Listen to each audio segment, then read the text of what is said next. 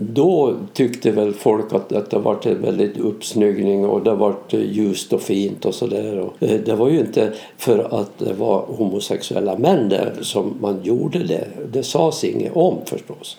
Men jag visste ju snacket som var nere på tekniska förvaltningen. Och det var ju det att nu ska bögarna bort ifrån eh, Slottsparken. Och det med jämt.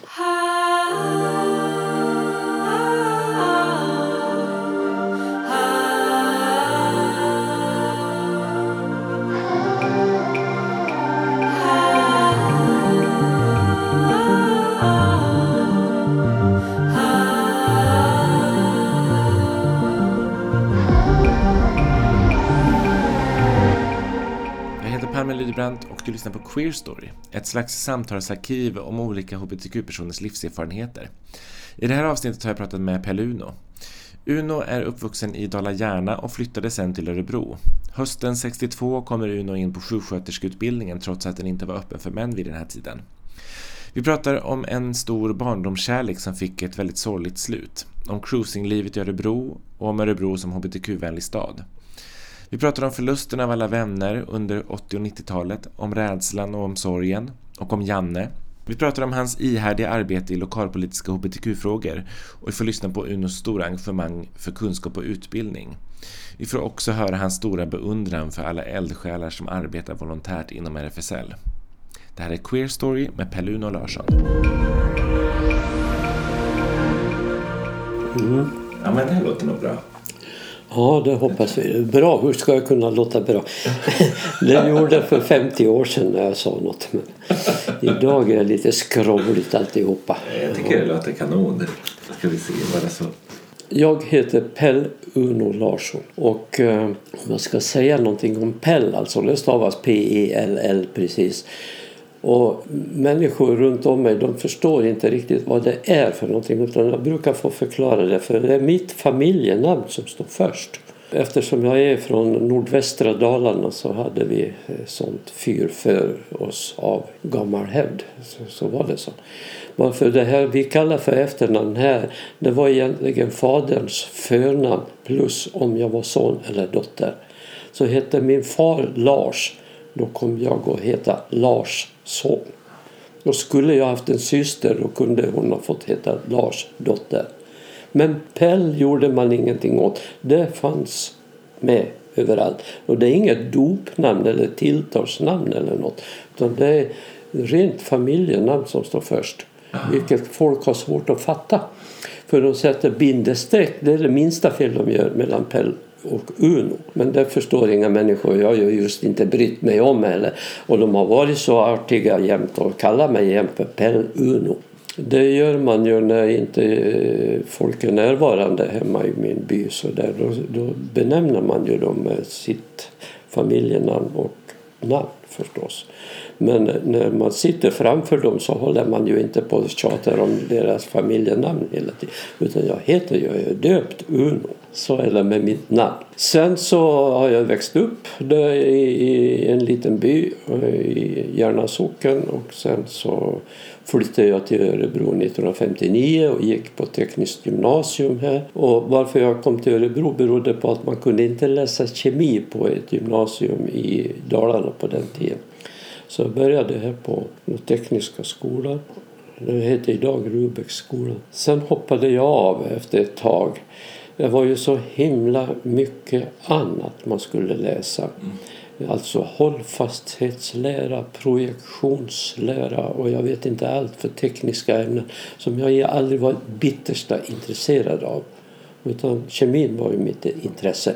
Visste du vad du skulle liksom med kemin till? Ja, jag visste att jag ville jobba som på laboratoriet som kemist på ett eller annat vis. Och under tiden jag gick på tekniskt så var jag också på laboratoriet i, här på sjukhuslaboratoriet i Örebro på studiebesök några veckor och jag tyckte det var väldigt intressant. Så när jag hoppade av där så då gick jag och funderade på hur ska jag nu göra för att komma in på sjukhuslaboratoriet. För där fanns det bara en ingenjör också anställd.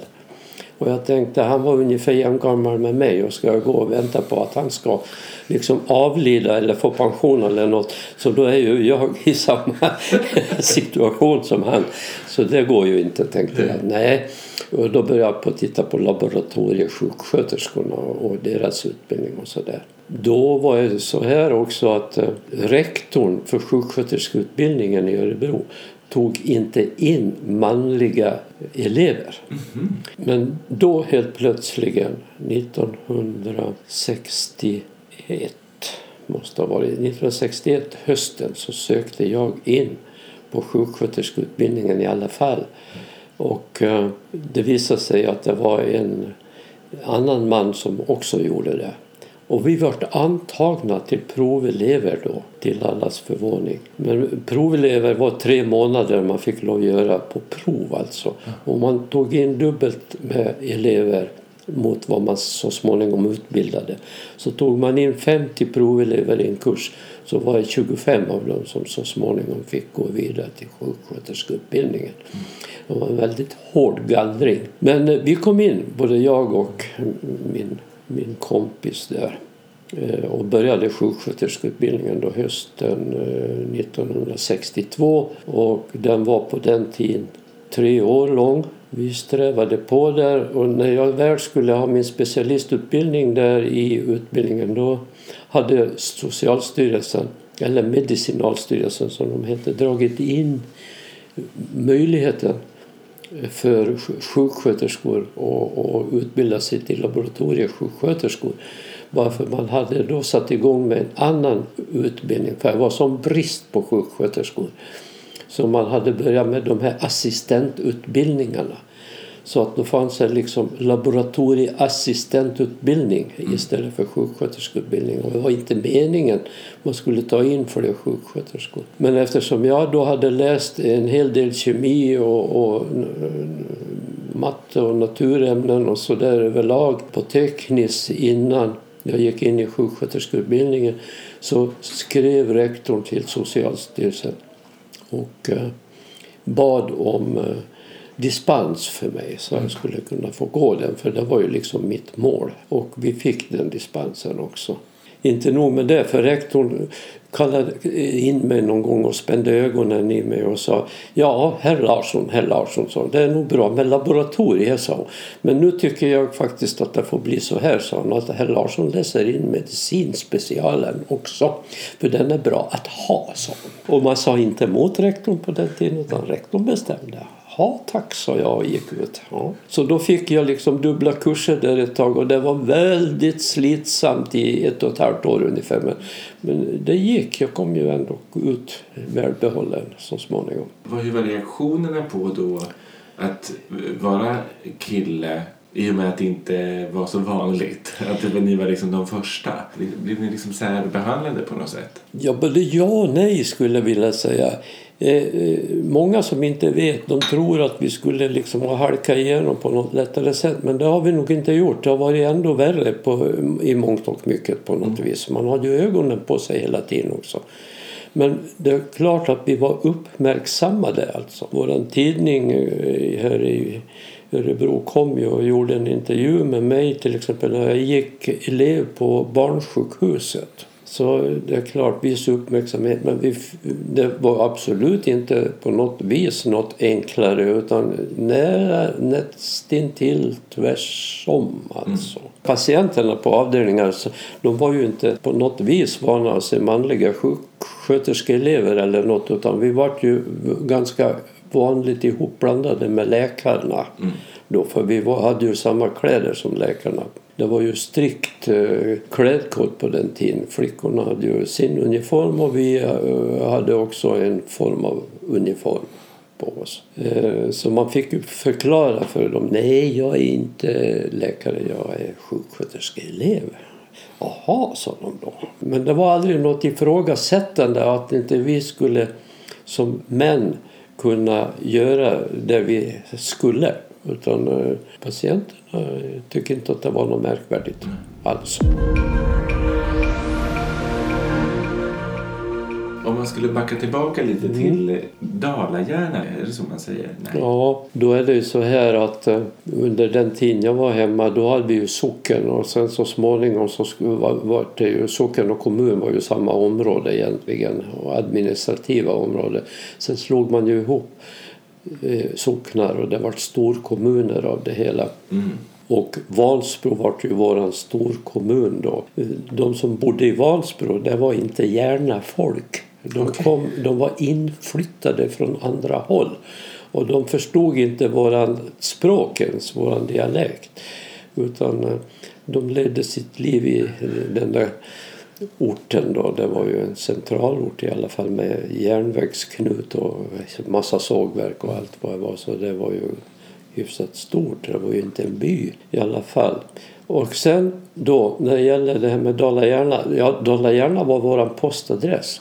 Bara för att det fanns fler Järna i Sverige. Mm -hmm. Och för att skilja ut Järna uppe där i, hos oss mot Järna utanför Stockholm och så där. Så då fick man i postadressen Dala, Dala-Järna.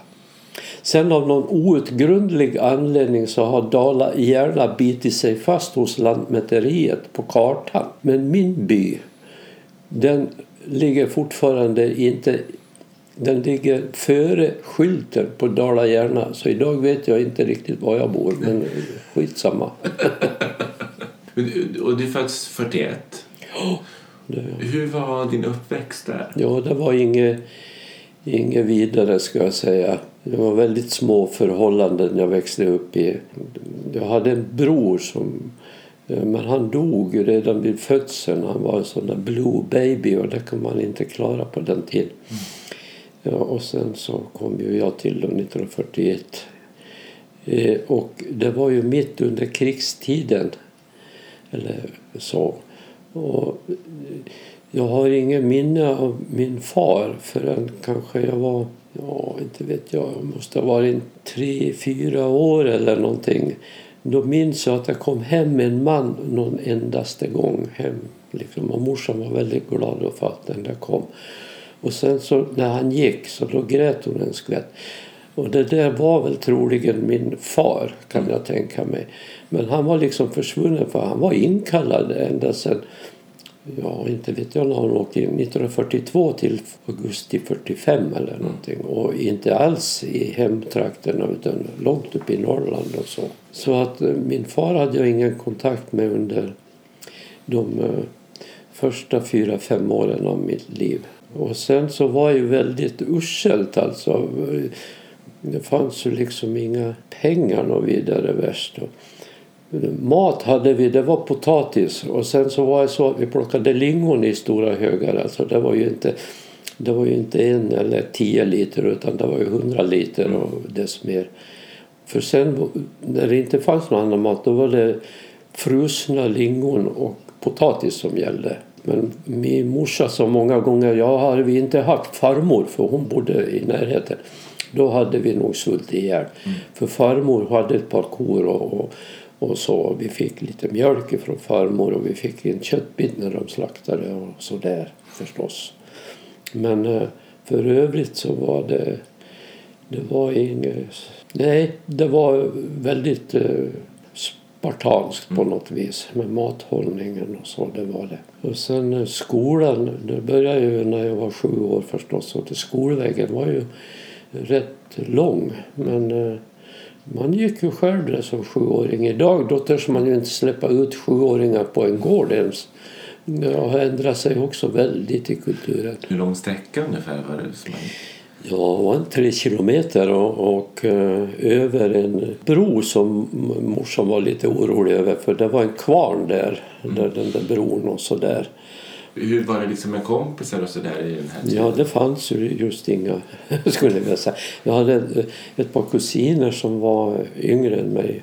Så småningom när jag växte upp och kom i tonåren och så där, då hade jag en kompis eller ett par och de bodde ju ja, ungefär en mil ifrån mig. Och det man hade att åka på var ju cykel, mm. Eh, oavsett årstid förstås. Och vägarna var inte, det var inte asfalt? Nej, det var ju grusvägar. Det tog ju tid innan det var asfalt på dem. Jag började spela fiol så småningom också. Och det som hände då på vintern, alltså när ja, man fiollåda vet du, på styrstången och sen så satte den sig på tvären och då åkte man obenhörligen i kull, alltså i halkan. Det var bara så. Jag var aldrig förtjust i fiol egentligen. Det var också en händelse. Vi fick den där musikskolan möjligheter och då gick jag i sjätte klass i folkskolan. Och då jag tyckte jag skulle hemskt gärna vilja spela piano. Sen kom jag hem till morsan och farsan där efter skolan och sa jag skulle vilja börja spela piano. Ja, så far och tittade på mig. Eh, du vet ju hur vi har med ekonomi, sa han. Och det visste jag. Det var inga hemligheter i familjen hur jag såg ut med pengar. Så du vet ju att vi kan inte köpa ett piano. Så, Nej, sa jag, det kan man inte. Nej.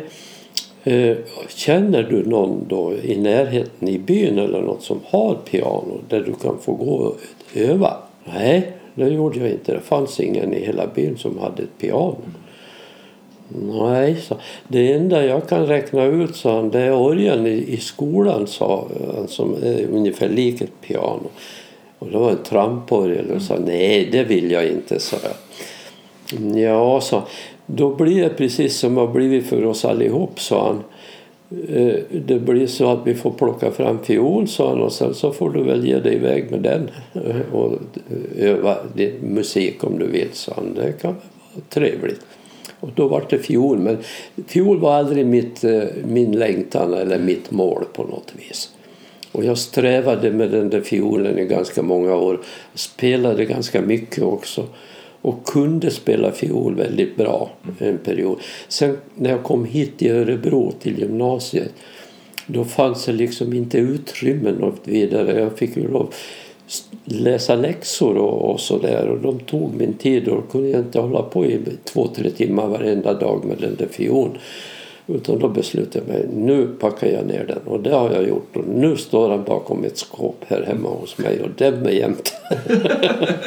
det var inte ett beslut du har ångrat? Nej, jag har aldrig ångrat mig och det beror nog på eh, att jag aldrig egentligen var motiverad och intresserad. Har du fått spela piano nu? Nej, jag har aldrig spelat piano. Nej. Nej, nu ska vi inte hitta på något.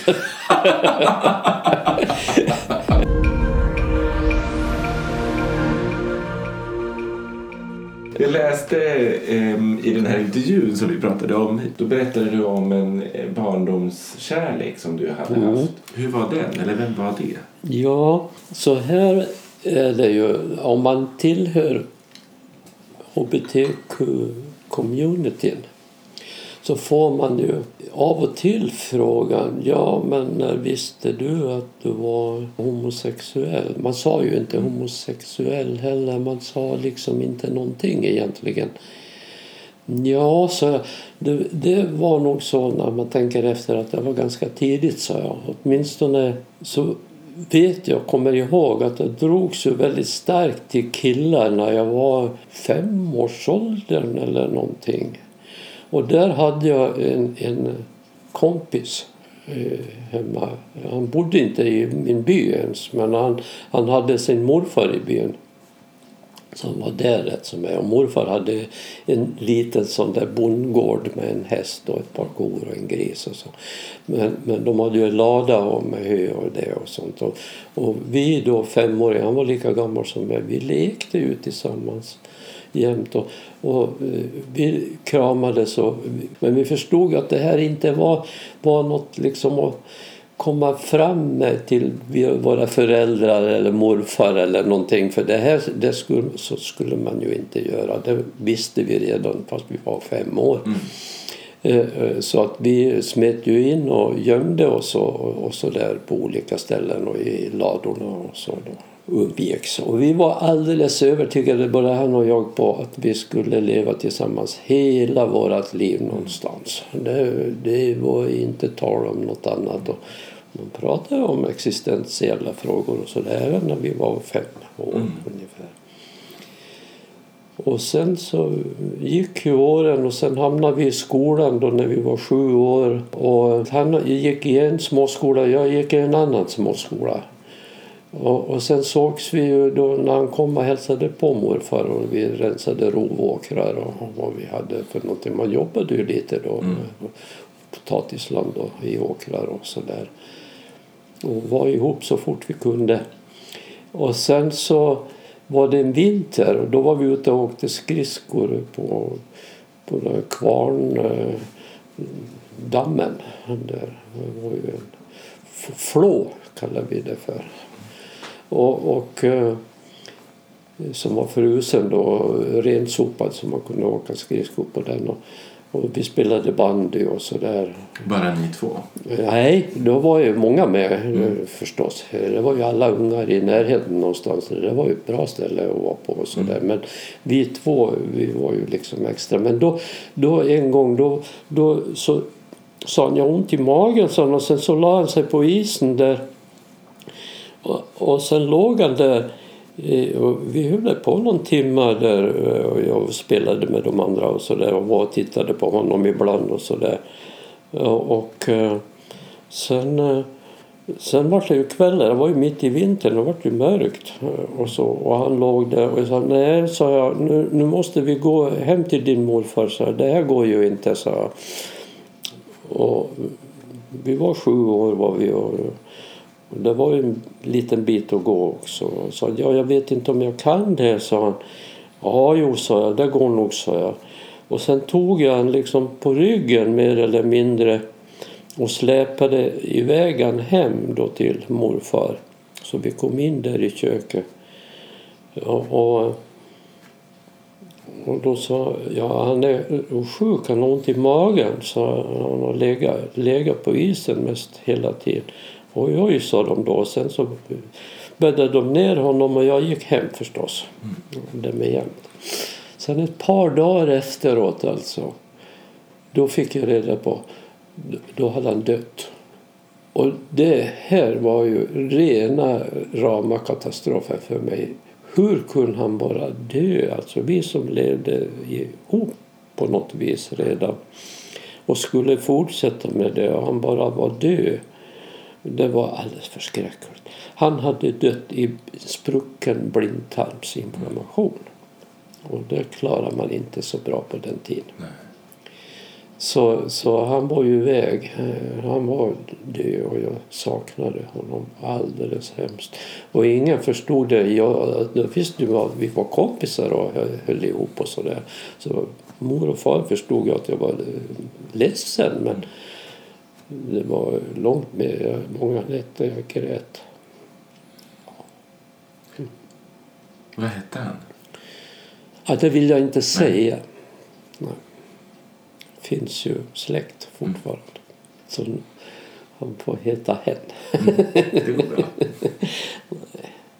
Men det fanns liksom ingen som man kunde bra förstå? Nej, nej, nej. Det var ju ingen som begrep det mer än att vi var ju Eh, vi var ju lekkamrater som det hette och så. Och förstod jag att jag var ledsen för det. Men, men eh, att alltså, väldigt djup känsla på något vis. Det, det, det, det gick inte att begripa. Det gick ju inte att prata om ens. Man hade ju inte ens ord. Det, jag hade inga ord för det. Nej. Man visste inte vad vad liksom kärlek var för någonting. Eller det var inga som pratade om känslor så eh, under min uppväxt. Fanns ju inte. För sen när du flyttade till Örebro ja. då träffade du vad som sen kom bli din fru. Ja, jag var, när jag flyttade, kom till Örebro och flyttade till Örebro då var jag 18 år och bodde inneboende förstås. Det var det man gjorde på den tiden. Och så, Var bodde du då? Familj eller tant. Jag bodde, först bodde jag på Norrgatan, Jakobsgatan i Hörnhuset där det är rivet nu. Och det var en moster åt mig som bodde där så där bodde jag ett tag. Och sen så flyttade jag till en annan fru och man eh, som hade ett rum där som de hyrde ut till eller elever då och sådär. Och min, mitt största problem där på något vis hela tiden det var ju att få en kontakt mm med någon kille. Mer en, en, en relation alltså med någon. Det gick ju inte. Jag menar tekniskt gymnasium, jag var ju, det var ju bara killar. Det fanns en tjej i min klass ungefär alltså, men annars så var det ju killar. Men det var ju heller inget ställe. Det här med, med att man skulle ha, var, med homosexualiteten var ju alldeles förbjudet, alldeles omöjligt att liksom visa eller göra någonting med. Mm. Hur gärna man än skulle ha önskat och vilja. Så det tog ganska lång tid innan, innan jag fick någon kontakt med en eh, kille och fick en relation. Mm. Eh, faktiskt. Sen så var det så att eh, min dåvarande moster hon umgicks med några och, och i det umgänget så fanns det då en, en tjej. Och vi började på att träffas lite av och till och så där och tyckte om varandra. Och så småningom så gifte vi oss och fick barn och så. Och det gick ju bra liksom, i äktenskapet så länge det var bra. Alltså. Mm. Det är ju så, I äktenskap så är det ju bra för det mesta och sen ibland så kör det ihop sig och är inte så bra. Nej.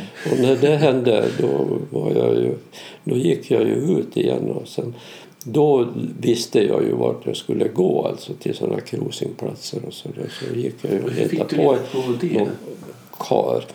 Ja, den första kontakten på något vis så där, den fick jag nog på eh, badhuset i Örebro. På Gustavsvik? Nej, Nej. det här var nog på vanliga vårat gamla varmbadhus alltså. När det var en något äldre man som satt bredvid mig och, och sen så fann vi liksom varann och sen hade vi sex där i någon vrå. Mm. Och då började jag på att förstå, ja man kan, kan träffa, träffa killar och så där på sådana platser. Och sen så småningom så då förstod jag ju, jag vart ju sommar och Gustavsvik och då var vi ju där. Och det var ju ganska vanligt på ett vis. På ett, ett ställe i en bastu på Gustavsvik, det fanns ju fler på den tiden. Och det fanns omklädningsrum och lite sådär. Och där vart jag bekant med en i bastun och gick till och med ut i duschen tillsammans i samma dusch. Det var ju öppna duschar och sådär. Åh, åh, ja då brann det till ordentligt.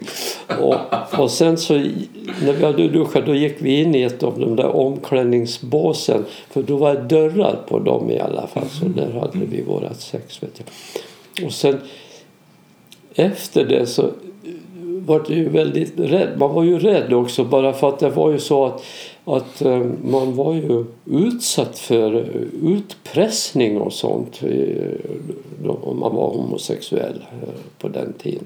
Så, så jag vet att jag åkte runt Örebro i många olika gator och vinklar innan jag åkte hem alltså. Mm. För på den tiden var jag ju gift också och så där och jag ville ju absolut inte att man skulle kunna liksom spåra mig till mitt hem på något sätt. Så det var liksom folk som hade koll på platserna och sen följde Mm. efter? Ja, nej, jag menar inom, inom vår grupp så pratade ju vi med, med varandra lite. Så frågade man ju och ställde frågor och sådär och då fick man ju reda på var det var någonstans i Örebro som man kunde träffa tillfälliga kontakter. Och det var ju, på den tiden så var ju Slottsparken och så, sen var en toalett på Järntorget eh, under en eh, pressbyrå. Och sen eh, på de ställena var nog början till mitt uteliv. Slottsparken är den mellan slottet och Harrys va? Ja, precis. Ja, mm. precis. Och den såg ju inte ut som den gör idag. Utan den var ju mer tät och det fanns soffor efter strandkanten. Mm. Och, och så där alltså. Det var, det var ett sånt där träffställe för oss. Och så träffade varandra och hade vårat sex. Och, Mm. och så. Ja.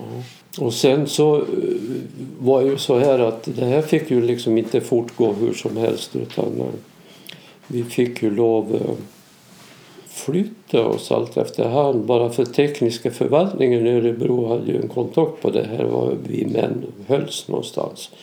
Och de gjorde ju allt för att försöka få den oss Mm. förstås. Så man byggde om eh, Slottsparken och man högg ner träd och buskar och man tog bort soffor och sådär. Och vi fick flytta ner ett, ett snäpp. Så då hamnade vi nere på Hamnplan. Mm. Det var lite halvruffigt ett tag då.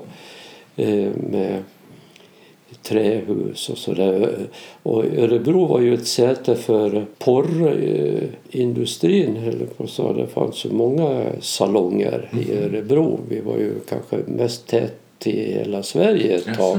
Ja. Eh, och på Hamplan låg ju en sån där salong också. Men där var vi alltså ett tag. Och sen var det ju så här, då rev man den där salongen och man rensade upp det på Hamplan. För det här kunde man ju inte ha kvar. Och, sen, och då var vi flyttade ner till Stadsparken. Då var vi i övre ändan på Stadsparken i början, alltså från eh, typ scenen och uppåt stan, den mm. biten. Sen så högg man ju bort buskar och allt vad jag var där och stängde toaletten så småningom. Och, och vi hamnade i nedre halvan på Stadsparken. Eh, och där var vi ganska länge. Och sen, det var ju så att vi var ju liksom ett, ett eh, ordentligt gäng. Jag vet inte hur många vi kan ha varit. Jag brukar tänka ibland att vi som tillhör HBT eh, communityn, en tredjedel eh, var ju såna här som jag brukar säga buskmänniskor. De hölls ute på toaletter och i buskar och på i parker och så. Mm. En tredjedel var ju engagerade i klubb på något vis. Och RFSL kom ju till så småningom och sådär. Och en tredjedel kom aldrig ut överhuvudtaget. De levde sitt äktenskapliga liv och, och i tysthet. Mm. Och det med jämt. Det här är ju inte forskat på eller något utan det är något som jag liksom har tyckt mig sett själv. Men vi som var i buskfolket då, dit jag hörde, vi, vi tyckte det där är för njasch, tänkte vi. Sitta där liksom och hålla varann i handen och tända ljus och berätta vår livshistoria, det hade vi väl ingen större lust med. Utan det var ju, vi var ju ute efter kramar och sex och det med jämt snabba kontakter på något vis. Och den, sen hade vi vårat sex och sen så kunde man ju ha trevligt i någon grupp och man fick ju vänner och sådär. Och det här var ganska slutna sällskap eh, på något vis. Vi kunde ju inte vara ute och ge oss till känna någonstans på den tiden. Prata, ja det gjorde vi i gruppen, i mm. vår egen grupp. Aldrig utanför. Och det var inte heller som att man var hemma hos varandra och umgicks Nej. utanför? Ja, så småningom så vart man väl några stycken som tyckte att man eh, var vänner med varandra på ett annat sätt och sådär mm. och umgicks kanske lite mer och sådär och var hemma med varandra. Ja. Mm. Men det var inte så vanligt, det kan man nog inte säga. Nej. Och det här att liksom staden ville rensa upp, var det mm. liksom mm. känt att det var ja, för att man ville var få bort bögarna? Eller liksom? Ja, mm. Det var det. Bara för att eh, vi hade en eh, kontakt i den här gruppen som arbetade inom tekniska förvaltningen. Och den stackaren, han var så rädd att, eh, att han skulle bli då känd i, i sitt arbetslag. Mm. Så han, han hälsade aldrig på oss när vi möttes på stan och sådär. Utan vi var ju främmande för mm. varandra i offentlig miljö.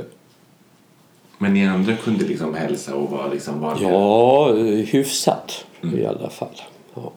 Och, den här personen då, han hade ju kännedom om hur, hur snacket gick i tekniska förvaltningen. Men det var inte och, känt utåt, alltså så att man liksom, eh, gemene man visste inte varför det ändrades utan då var det bara nej, nej, nej, nej, nej, mm. nej, nej, utan det var ju för att göra fint mm. och, och, och, så och modernisera och göra bra. Och, och, och det var ju klart att när man ändrade radikalt i stadsparken, eller Slottsparken mm. så är det klart att det vart då tyckte väl folk att, att det var en väldigt uppsnyggning och det var ljust och fint och sådär. Eh, det var ju inte för att det var homosexuella män där som man gjorde det. Det sades inget om förstås. Men jag visste ju snacket som var nere på tekniska förvaltningen. Och det var ju det att nu ska bögarna bort ifrån eh, Slottsparken. Och det med jämt. Och då kom vi bort därifrån. Och det var ju lika överallt på våra cruisingplatser. Alltså vi skulle rensas bort ifrån dem. Det här var ju lång tid egentligen. Det var ju inte gjort på en dag. Inte. Sen så fick vi ju flytta än längre iväg.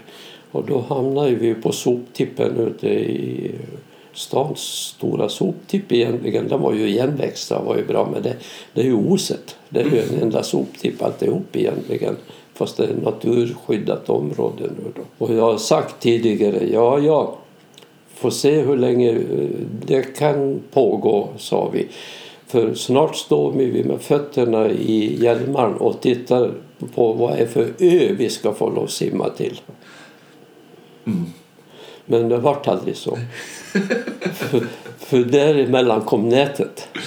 Eh, Idag är ju det här med cruising och cruisingplatser det är ju ett minne blott Mm. nästan. Det försiggår ju just ingenting mer. Utan nu är det ju nätet och Grindr och vad det är för någonting. En period som också var ganska jobbig i mitten på 70-talet och lite framåt det, det var ju att ungdomsgäng då fick för sig att nu ska vi ut och knacka bög. Det var ett stort nöje för dem.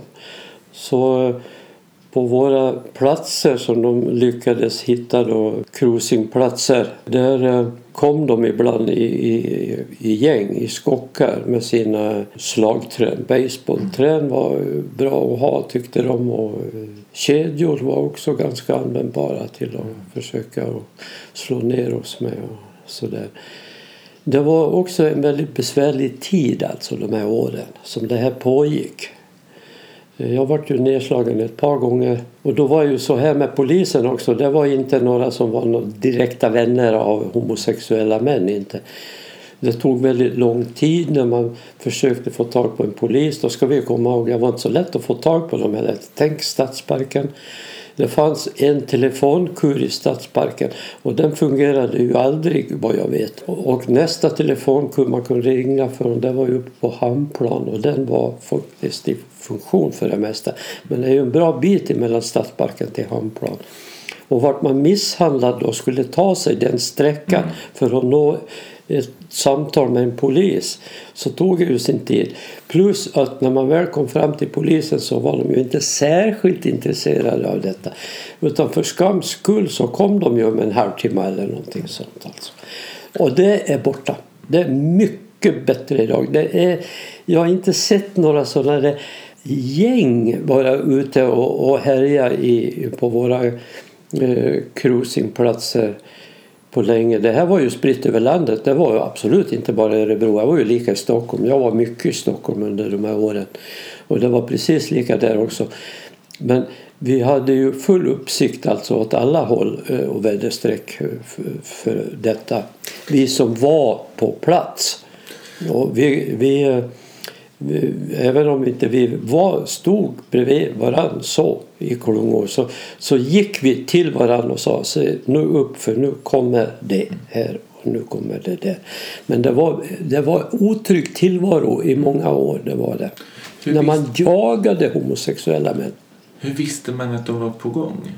Såg ju, man såg vad det var för något som kom drällande på något vis med sina eh, redskap. De kom ju oftast med bilar, de här, eller möjligen motorcyklar också. En grupp på kanske någonstans mellan fem och tio stycken.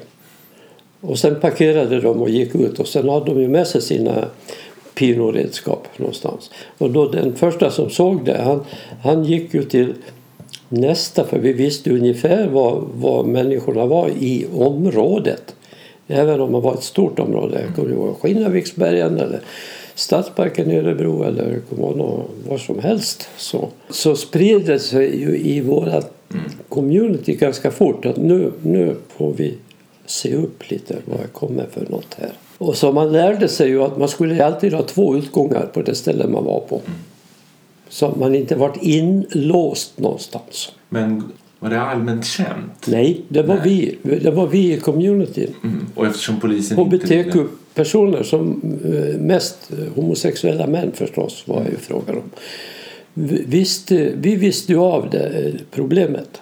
Polisen hade inte mycket med det att göra. Nej. Det har blivit mycket bättre hållning med polisen. Vi har ju en misstänksamhet med oss. Den är ju forskad på, på vårt förtroende för polis och myndigheter och sjukvård och så. Den ligger, de ligger ju inte särskilt högt i poäng. De här. Och, och det, det, är ju fortfarande så att det finns stora tveksamheter här och där. Men jag får ju säga, jag har haft ganska mycket kontakt på, med polisen i olika omgångar. Jag tycker faktiskt att jag har fått ett bra bemötande av polisen här i stan i alla fall. Det har jag.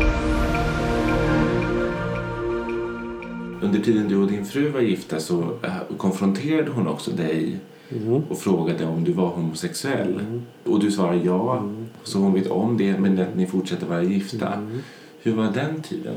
Det måste ju ha varit lite speciellt, tänker jag. Ja, jag vet inte. Ja, den var ju speciell på sitt vis. Det är klart. Men den var ju speciell innan också. Jag var ju gift 64. Mm. Och det här eh, det hände 1969. Och då hade jag ju ändå eh, så att jag var ute och hade kontakter med mina kompisar. Och, mm så. Och eh, sen 69 då träffade jag en man alldeles bara sådär på stan helt enkelt. Alltså, visserligen nere i det slottet, det är också mitt på kanslibron där. Som kom och bar på två jättestora tunga grejer och jag tänkte var ska du? Jag bara frågade, jag kände ju inte honom. Ja, jag skulle till tåget centralt. Ja, så jag kan ta ena väskan. Så, så det gjorde jag. Och sen gick vi till tåget. Och sen bytte vi telefonnummer. Och sen så vart vi ju bekanta med varandra och träffade varandra. Han bodde ju en bra bit utanför stan så man fick åka tåg dit och mm. buss och allt möjligt. Så vi umgicks ju lite sådär någon helg då och då. Och det här var ju en helg, då skulle jag åka iväg till honom en lördag var det min eh, dåvarande fru satt i köket och läste någon tidning eller någonting sånt där och jag var i badrummet och sa att jag ska jag åker bort över lördag söndag har jag sagt åt henne. Och hade du någon anledning till det? Eller sa du varför? Nej, jag minns inte att jag gjorde Nej. det den gången. Annars har jag ju blivit stjärna på att ljuga också mm. om vad jag skulle göra. Så det har varit mycket sammanträden här och där mm. under årens lopp. Men, eh, men eh, den här gången jag sa bara jag ska åka hem till henne. Mm. Och då stod jag i badrummet där och gjorde mig beredd. Och vet, jag höll på att borsta tänderna för då kom frågan ifrån min fru i köket att eh, Hör du, är du homosexuell? Ja, sa jag. Och vad skulle jag säga? Ja, jag har aldrig liksom varit hemlig med min läggning om någon har frågat. Och då var ju hon alldeles rosenrasande. Väldigt upprörd förstås och sådär. Jag klädde på mig där i lugn och ro och sen sa jag hej då och sen åkte jag iväg. För kände ni ni gifta ganska länge ja, efteråt? det här var ju 69. Ja.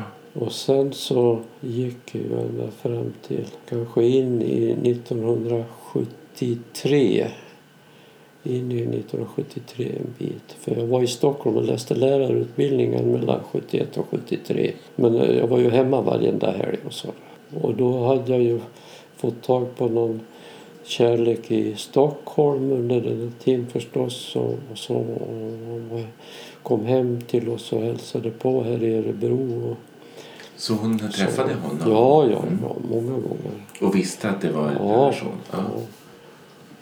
Men sen till sist så gick det liksom inte längre. Nej. Det gick inte bara. Utan det var ju, vi hade ju våra kontroverser eh, och den vart ju tätare med mm. tiden och så. Så då vart vi väl gå till prästen. Det gjorde vi nog inte förrän 1974. Hur var den processen att gå till prästen och be om lov? Eh, det fick man ju göra då. Det hette medling eller någonting. Var man gift i kyrkan så var man ju gift med, eh, med Gud och församlingen i evighet och kanske med sin fru också egentligen. Och skulle man skiljas så var det ju en stor apparat faktiskt. Det gick inte på en gång det inte utan då fick man ju gå till prästafar igen och han skulle medla hette det då. Och det skulle vara intyg från den medlingen också. Så det var ju bara att stövla iväg till pastorsexpedition där och träffa kyrkoherden där som satt bakom ett stort skrivbord där och funderade hur han skulle rädda vårt äktenskap. Och då sa jag det. Ja, sa jag, det är faktiskt så att jag är homosexuell. Så jag, det är inte, inte att tänka på någon fortsättning så i vårt äktenskap. Jaha, jaha, sa han. Och sen så skrev han på pappret och sen så fick jag med mig då och gick iväg med det. Ja, jag kunde lämna in medlingsintyget. 75 på allhelgon. Eh, Alla, så då var, kom jag, jag kom hem ifrån Uppsala där jag varit ett tag. Jag har läst min anatomi och fysiologi där och så på universitetet.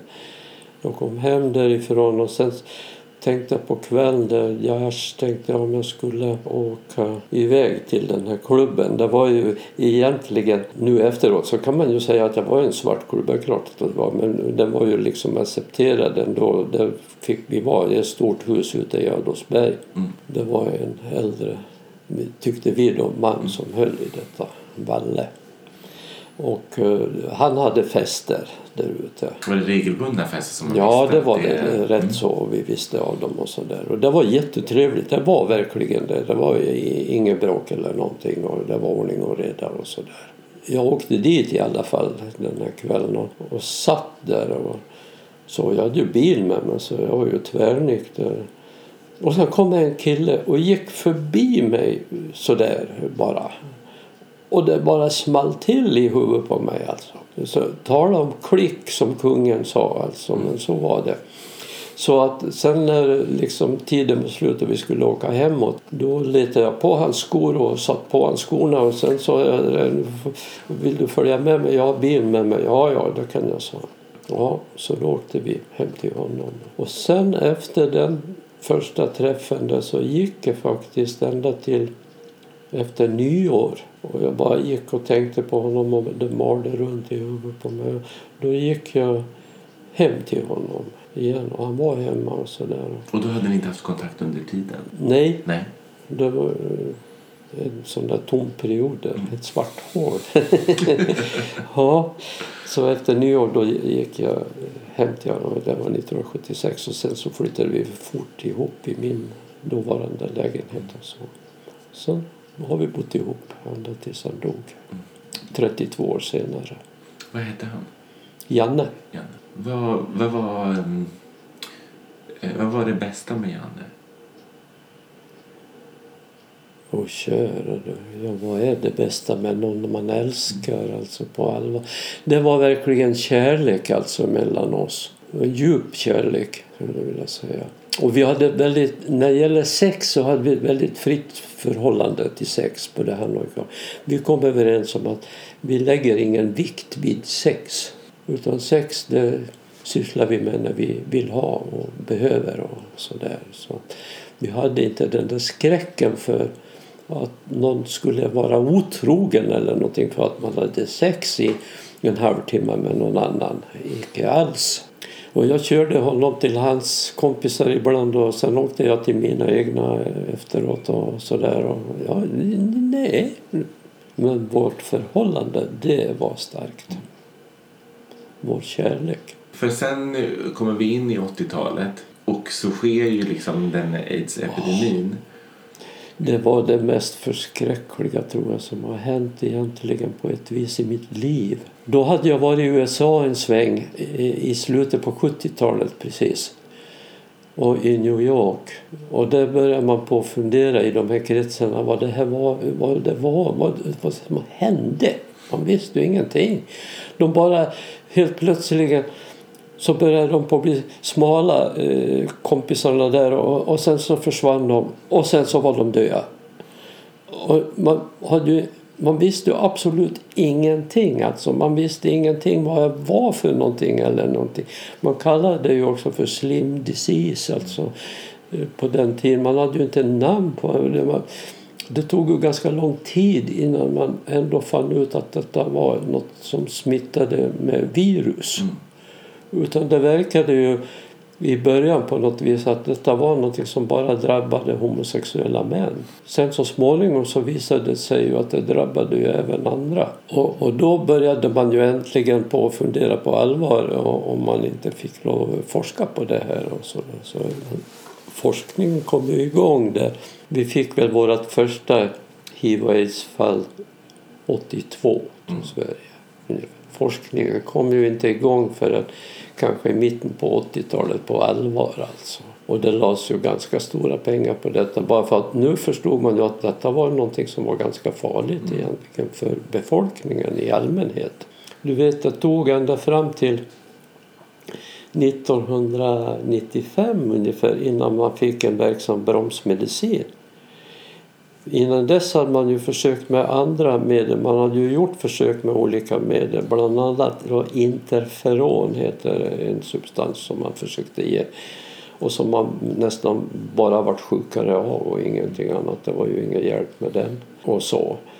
Så, så de, de, ja, de dog. Och det tog ju tid alltså. Från att man då blev, eh, fick en överföring av hiv så kunde det ta upp på tio år innan det visade sig överhuvudtaget. Och man hade ju inga tester som var värt namnet heller. Utan helt plötsligt så var de sjuka. Alltså. Förlorade hela sitt immunsystem i kroppen. Och, och ingenting hjälpte, de bara dog. 29 stycken av mina närmsta eh, vänner har avlidit i aids. Och det var en plågsam tid. Och I vår grupp ute då, i vår community när vi kände varandra och så där, helt plötsligt så hade ju Åke eller vad de hette var inte med oss längre. Var inte ute med oss längre. För vi var borta. Och, sen så gick jag kanske upp ett halvår eller någonting, sen var han död. Mm. Och så var jag. Och de, de dog ideligen och det här var ju alldeles förskräckligt fult också i allmänhetens ögon och dö i aids. Så familjerna höll ju det här hemligt. Alltså var det ett, ett barn i en familj som ja, vuxen då förstås men ändå i familjen som vart sjuk så sa ju inte familjen någonting om detta utåt. Och det var så illa också så att en del vart ju begravda utan att deras eh, närmsta vän som de ändå har haft ett förhållande med visste av det. Helt plötsligt läste man bara en dödsannons. Begravningen var gjord. Vad hemskt. Och jag förstår samhället också på ett vis för det här var ju så förskräckligt. Det man inte vet och det man inte har kunskap om det skapar väldig rädsla. Och eh, de här infektionsspecialisterna, alltså smittskyddsläkare och sådär de hade ju mycket idéer om att man skulle försöka märka ut alla homosexuella män på ett eller annat vis. Mm. Alltså. Helst skulle de ju kanske rent av isoleras på, på något ställe i våran värld som i som inte var så mycket vanligt folk då, heterosexuella på. Utan man skulle ha sin egen ö. Och sen var ju nämnt då att man skulle bära ett märke skulle få lov då. Och också om man var homosexuell och så. Och eh, det var på riktigt en, en diskussion att man skulle bära, ja, bära märke? Bland, bland uh, våra ledande personer inom infektionssjukvård. Jag kan förstå dem. Jag är själv jag har jobbat inom infektionsmedicin mycket. Och jag förstår dem. Varför någonting som man absolut inte förstår eller vet och som man ser sprider sig i samhället. Vad ska man göra för att skydda samhället? Så det var ju inte någon elak idé egentligen utan det var ju på något sätt så ville man ju på alla de vis skydda samhället mot detta som hände som man inte förstod sig på. Bland vänner och sånt där när det är en eh, vän som inte längre är med. Kunde ni prata med varandra om det? Jo, i, i vår grupp så pratade vi ju mycket. Det gjorde vi ju alltid. Och grät tillsammans. Mm. Ja, det här är,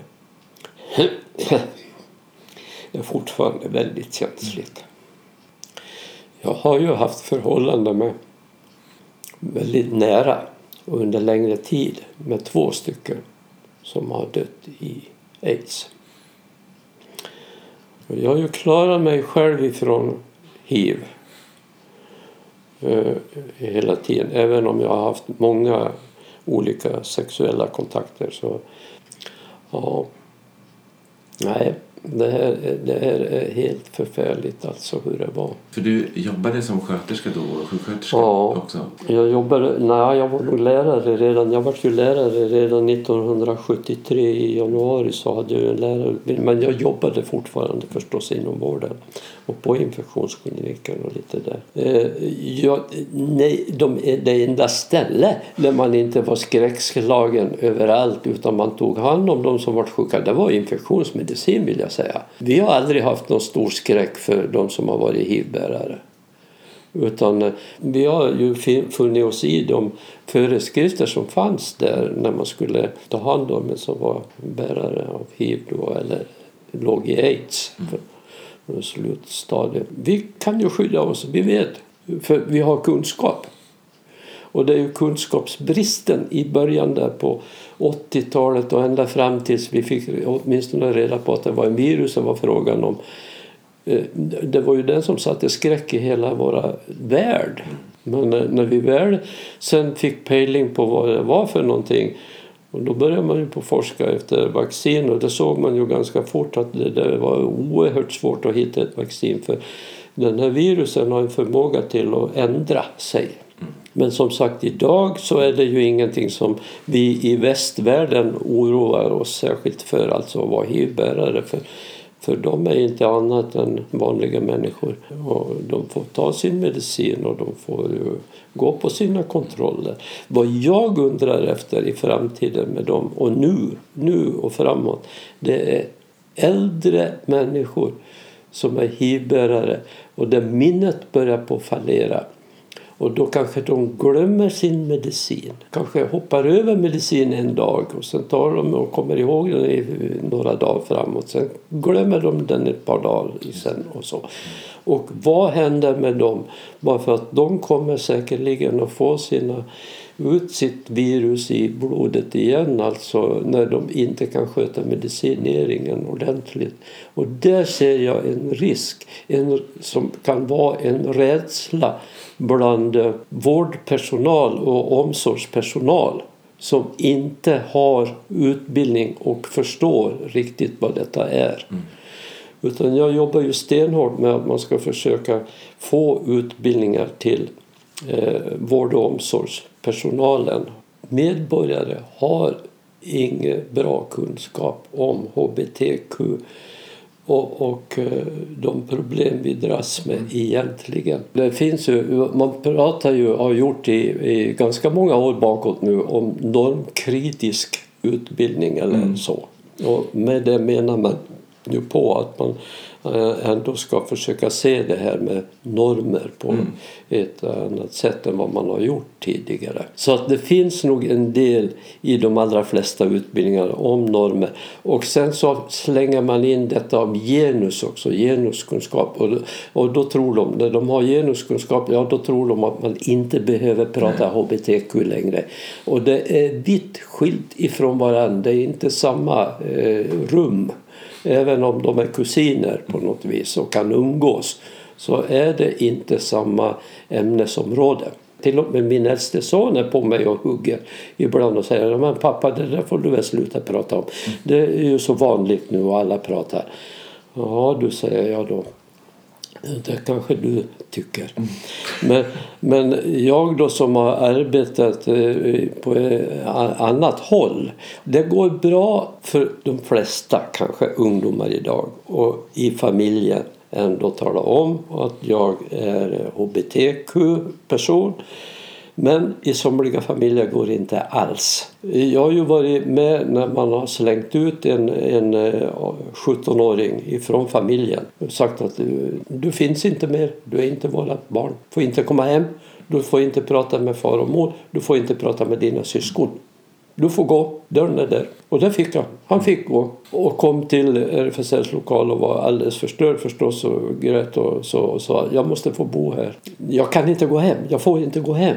Och eh, då är det ju så att RFSL har ju för det mesta kontakter med eh, socialen och polisen, med myndigheter. Så jag lyckades få fram en lägenhet åt honom fast han bara var 17 år som han kunde flytta till.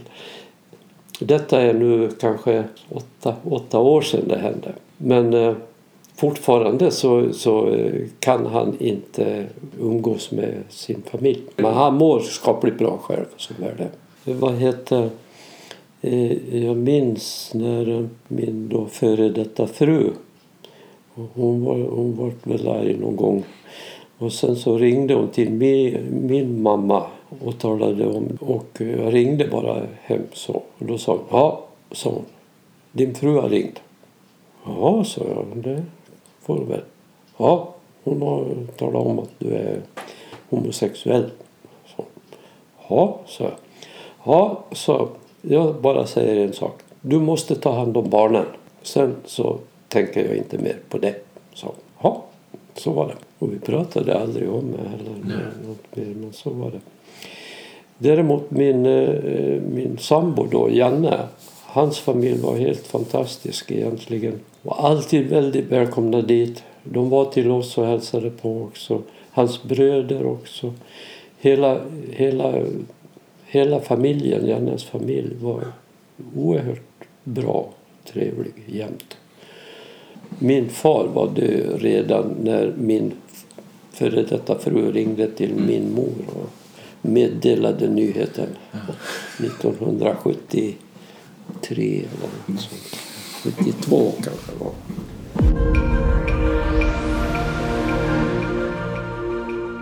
Jo, jag tycker verkligen att Pride är bra. Från början var det ju en kamp. Va? Det var en manifestation mm. när det kom först. Det var ju något vi ville. Vi hade plakat. Så, mm. så här, så här. Men den tiden har ju runnit iväg. Utan idag är det ju karneval. Va? Karnevalen i Rio ungefär, mm. alltså med fest. Åtminstone om man är i Stockholm. Här är vi försiktigare. Mm. När vi går. Ja. Men det är inte några löskukar som är Nej. i luften eller nakna människor som springer runt och sådär. Det är det inte här i stan. Nej. Och vi får skäll ändå. Men senaste året, nu, förra året, då tror jag var det 9000 eller någonting som ändå gick med i tåget. Wow. Och sen var det ganska mycket folk efter sidorna ändå. Jag ser ju, det går ju hundra politiker här till exempel i tåget. Inte en enda jävel av de hundra ställer en enda fråga i sina politiska uppdrag i nämnder och styrelser sen om hbtq. Vi har en handlingsplan i Örebro. Den handlingsplanen har vi haft ganska länge. Vi fick första 2012. Den är reviderad 2016. Och mycket tydlig och klar vad det är för krav man har. Och den är ju tagen av högsta instans i kommunen, alltså politiska instanser. Men det är ingen som ställer någon fråga någonsin någon gång om, om man har gjort något Nej. i den. Det är bara jag som oväsnas. Mm. På det sättet har jag blivit hela länets bög på något vis. Ja, det blir, man får ju liksom axla Så jag har ju fått en jävla stämpel på mig. Ja. De tror snart inte att jag kan något annat än hbtq-frågor. Jag kan mycket annat. Mm. kan mjölka getter också. När började du engagera dig i RFSL? Ja du, det är en bra fråga ska jag säga det. Här i Örebro då, om vi börjar med Örebro i alla fall, mm. så fanns ju den här klubben då. Men det var ju ingen organiserad klubb med medlemmar eller styrelser eller något utan det var ju, det var ju Valle som skötte hela alltihopa och vi gick dit och hade trevligt. Så var ju. Mm. Sen så dök väl upp så småningom. Jag vet jag var med på något konstigt sammanträde i början på, eller mitt slutet på 70-talet eller någonting. När Janne och jag var inbjudna till något möte med några stycken andra och som då hade funderingar på att starta ett RFSL. Och vi sa nej, sa vi, både jag och Janne, det behöver vi inte hålla på med. Vi kan inte hålla på med olika verksamheter. För då var ju Valle kvar någonstans i verksamheten. Sen så småningom så flyttade han från huset och flyttade till, som vi sa, gummiverkstan på norr här alltså. Det var en sån däckfirma. Mm. Och där fick jag han hyrt in sig på övervåningen. Och där höll han på tills det liksom ändå rasade ihop av olika anledningar. Det vart eh, väldigt besvärligt så småningom där med sånt folk som inte hörde till hbtq-communityn utan det kom dit folk bara för liksom att, att festa egentligen och så. Ja, det vart inget bra där. Och det var kedjor och rassel och en stor schäfer hade han och så där för att försöka hålla ifrån sig eh, det mest otrevliga. Nej, och sen så tog jag slut alltihop. Men då fanns ju RFSL redan sedan en tid bakåt. Men min RFSL-tid när jag började med medlemskap det var i Uppsala faktiskt 1974 kan det vara. Jag läste i Uppsala 74-75. Och då gick jag med i Agda som jag hette i Uppsala på den tiden. Mest för att få fatt på någon som visste vad de här eh, cruisingplatser och så där fanns i Uppsala och vad man kunde hitta någonstans. Sen betalade jag medlemsavgiften till Uppsala i ganska många år efter att jag hade ändå flyttat tillbaka till Örebro. Så i Örebro gick jag inte med aktivt i RFSL förrän 2008 kan det ha varit. Det var i samband med att jag tillfrågade om jag ville bli ordförande i RFSL Örebro. Vilket ju var en stor överraskning för mig på något vis att få frågan överhuvudtaget. Och jag tyckte ju det, ja men det måste finnas någon eh, som är aktiv i föreningen eller något som kan ta ordförandeskapet. De hade ingen som ställde upp som ordförande. Jag sa det att jag måste gå och träffa nuvarande styrelse en gång först innan jag svarade definitivt ja på detta. Så det gjorde jag. var med på ett av deras styrelsesammanträden. Mm. Sen sa jag ja till det. Och sen var det ett år och ett år och ett år, sex år framåt alltså. Jag har hört den här historien om att lokalen som RFSL låg i under 80-talet att hyresvärden bytte lås? Nej, det var... det kan vi ta. RFSL hette nog inte RFSL på den tiden utan hade något annat namn. Mm. Power, någonting som jag inte kan om mig själv. Eh, men i alla fall då, hbtq-communityn hade en lokal eh, som de då betalade hyra för och var där kanske, inte vet jag, någon kväll en gång i veckan eller vad det kunde ha varit. Jag var ju inte med på den tiden. Nej. Men det var en förskola här på Södra, på Södra Len. Och sen helt plötsligt vart de uppsagda på stört alltså. Bara utan något vidare meddelande eller någonting utan det var bara stängt alltså och, och låsen bytta och så. Och det var i samband med aids mm. och, och det som kom där. Då var de så rädda för homosexuella här då, de som eh, drev verksamheten där så de stängde dörren precis ja. alltså. Bara poff. Och det blev liksom ingen stor nyhet av det på något sätt såklart eftersom det inte var någon på den tiden så gick det ju knappt att ha några nyheter i den vägen för man hade ju hela samhället emot sig. Det var ju inga vänliga tankar vanliga medborgare hade om de här bögarna som sprang runt inte och var smittsamma och allt vad det var. Så att det, det var ju ingen sån stor historia av det här. Nästan mer som att man hittade Jag tror att det stod en notis i tidningen men det var nog inte mer heller. Hur, hur är annars Örebro som eh, hbtq-vänlig mm. stad? Ja. Skulle du säga? Det skulle jag vilja veta. mm. Jag tycker man möts av någon sorts diplomatisk historia så där man är sakta försiktig och artig. Och man eh, säger då när det här är lite på avstånd i alla fall ifrån medborgarna att eh, Ja, men det är ju ingenting konstigt. Det är klart att vi tycker att alla människor är lika värda och allt vad det är för någonting. Men att det är så hemskt svårt sen att få någon verkstad av till exempel våran hbtq-handlingsplan som finns på Örebro kommun och få något eh, uträttat. Och då tänker jag, ja de här medborgarna, de som sitter i styrelser och nämnder i politiken här och allt vad är, de är ju inte annat än vanligt folk. Och vad har vi för befolkning i Örebro av gammalt, av kultur på något vis? Och då är det ju så att Örebro är en väldigt fri religiös stad. Och då tror jag att man bär med sig den kulturen i sin själ på något sätt. Även om man nu man motsätter sig ingenting. Men man är ju inte aktiv, man gör ingenting. Det. Så, så det är en väldig match att driva fram det som ändå finns beslut på i högsta instans inom kommunpolitiken och få verkstad av detta. För det blir inget gjort. Tjänstemännen sitter där och det finns ju så många andra ärenden förstås. Så många, alltid. Mm. Vi ligger utanför själva normen. Och då finns det metervis med andra eh, ärenden som ligger på hög. Och då ligger vi eh, absolut längst i botten, alltså i den högen, eh, alltid. Man skulle ju tro att tjänstemännen annars har en skyldighet att rätta in sig efter högsta instans i kommunen, i politiken. Och det är kommunfullmäktige och kommunstyrelsen. Men det, det, det finns så många argumentet ja vi har inte hunnit, nu har vi det och nu har vi det och vi har inte ekonomi och det är dåligt ställt och det är alltid, allting är det som gör att man inte kan få verkstad av detta. I eh, de politiska partierna har ju också eh, en eh, HBT-verksamhet. Många partier har ju det i alla fall. Eh, Socialdemokraterna har ju HBT socialdemokrater med lokala styrelser och så.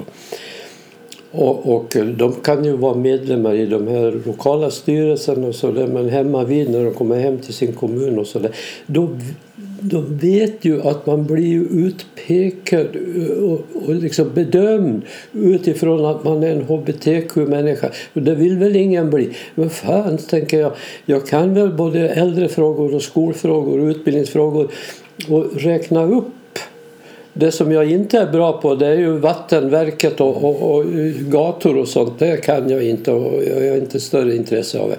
Men alla de här välfärd, de som ligger inom social välfärd, de frågorna kan jag ju bra. Mm. Men det är ju ingen som förknippar mig med de frågorna utan förknippar de mig med någonting då är det hbtq. Mm. Och det är ganska tröttsamt. Mm. Och därför orkar inte människor kanske lyfta hbtq-frågor hemma vid i sina styrelser ute i, i länet. Då blir man en representant för det och då är det bara det man kan. Precis. Hur ser ditt eh, liv ut idag? Ja, jag har det bra. Ja, jättebra. Det flyter på. Jag har fullt att göra. Och jag är pensionär sedan lång tid bakåt också. Så lite kan jag ju styra, men dock inte allt. Men jag, jag har ju satt mig i det jag är intresserad av. Och det är politik och det är hbtq-frågor och det är föreningsfrågor. Jag är förbundsordförande i en pensionärsorganisation, en vanlig pensionärsförening. Jag eh, är ordförande i partiets HBT-förening eh, här i distriktet.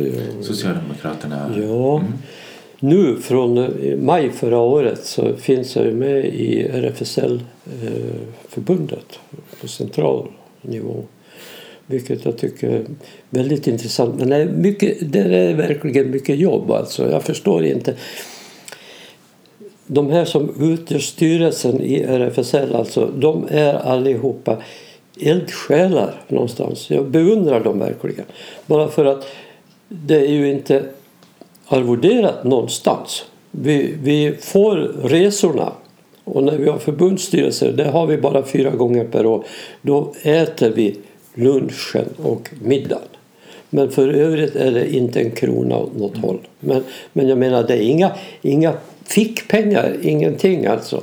Och ändå står den här skaran ut och jobbar stenhårt alltså med de frågor som då ligger på högkant i RFSL. Det tycker jag är enastående. Försök att gå in i RFSL. Det kostar bara 100 kronor för ett helt år och ni stöttar en verksamhet som är alldeles nödvändig att ha i vårt samhälle. Hade vi inte RFSL så skulle vi inte ha det på det sätt vi har idag. Det är ju ett som är säkert. Eh, utan vi behöver RFSL, tyvärr skulle jag vilja säga. Om, om jag finge leva i hundra år till då skulle jag önska mig att vi kom så långt så vi kan lägga ner RFSL. Vi skulle inte behövas. Men det är långt bort, det känner jag. Ja, det är inte enkelt. Det finns ju en situation som jag faktiskt... Det är inte ofta jag använder ordet att jag är stolt över någonting men det är jag faktiskt. Och det är den gången jag fick Robert Karlssons pris av RFSL-förbundet. Det tycker jag det är någonting alldeles påtagligt för mig alltså som jag aldrig kommer att glömma. När var det? Jag törs inte säga exakt. Om det kan ha varit 2012 eller någonting sånt. Vad är det för pris? Ja, det är, det är egentligen ett diplom och sen är det pengar. Man får, det är inga stora pengar, men det är pengar i alla fall. 5 000 kanske rört sig om. Eller något. Och de satte jag på newcomers aktiviteter. Varenda krona och några kronor till också direkt. Jag fick de där pengarna. De, de delar ut priset till en person och en avdelning per år. Det är en fond som är uppkallad efter Robert Karlsson. Mm. Robert Karlsson heter mm. Det känner jag mig stolt över att ha fått. Tack snälla du för att jag fått mm. prata med dig. Ja, du får komma tillbaka om du vill, om du vill ha tre timmar till ja, och klippa i. så är du så välkommen.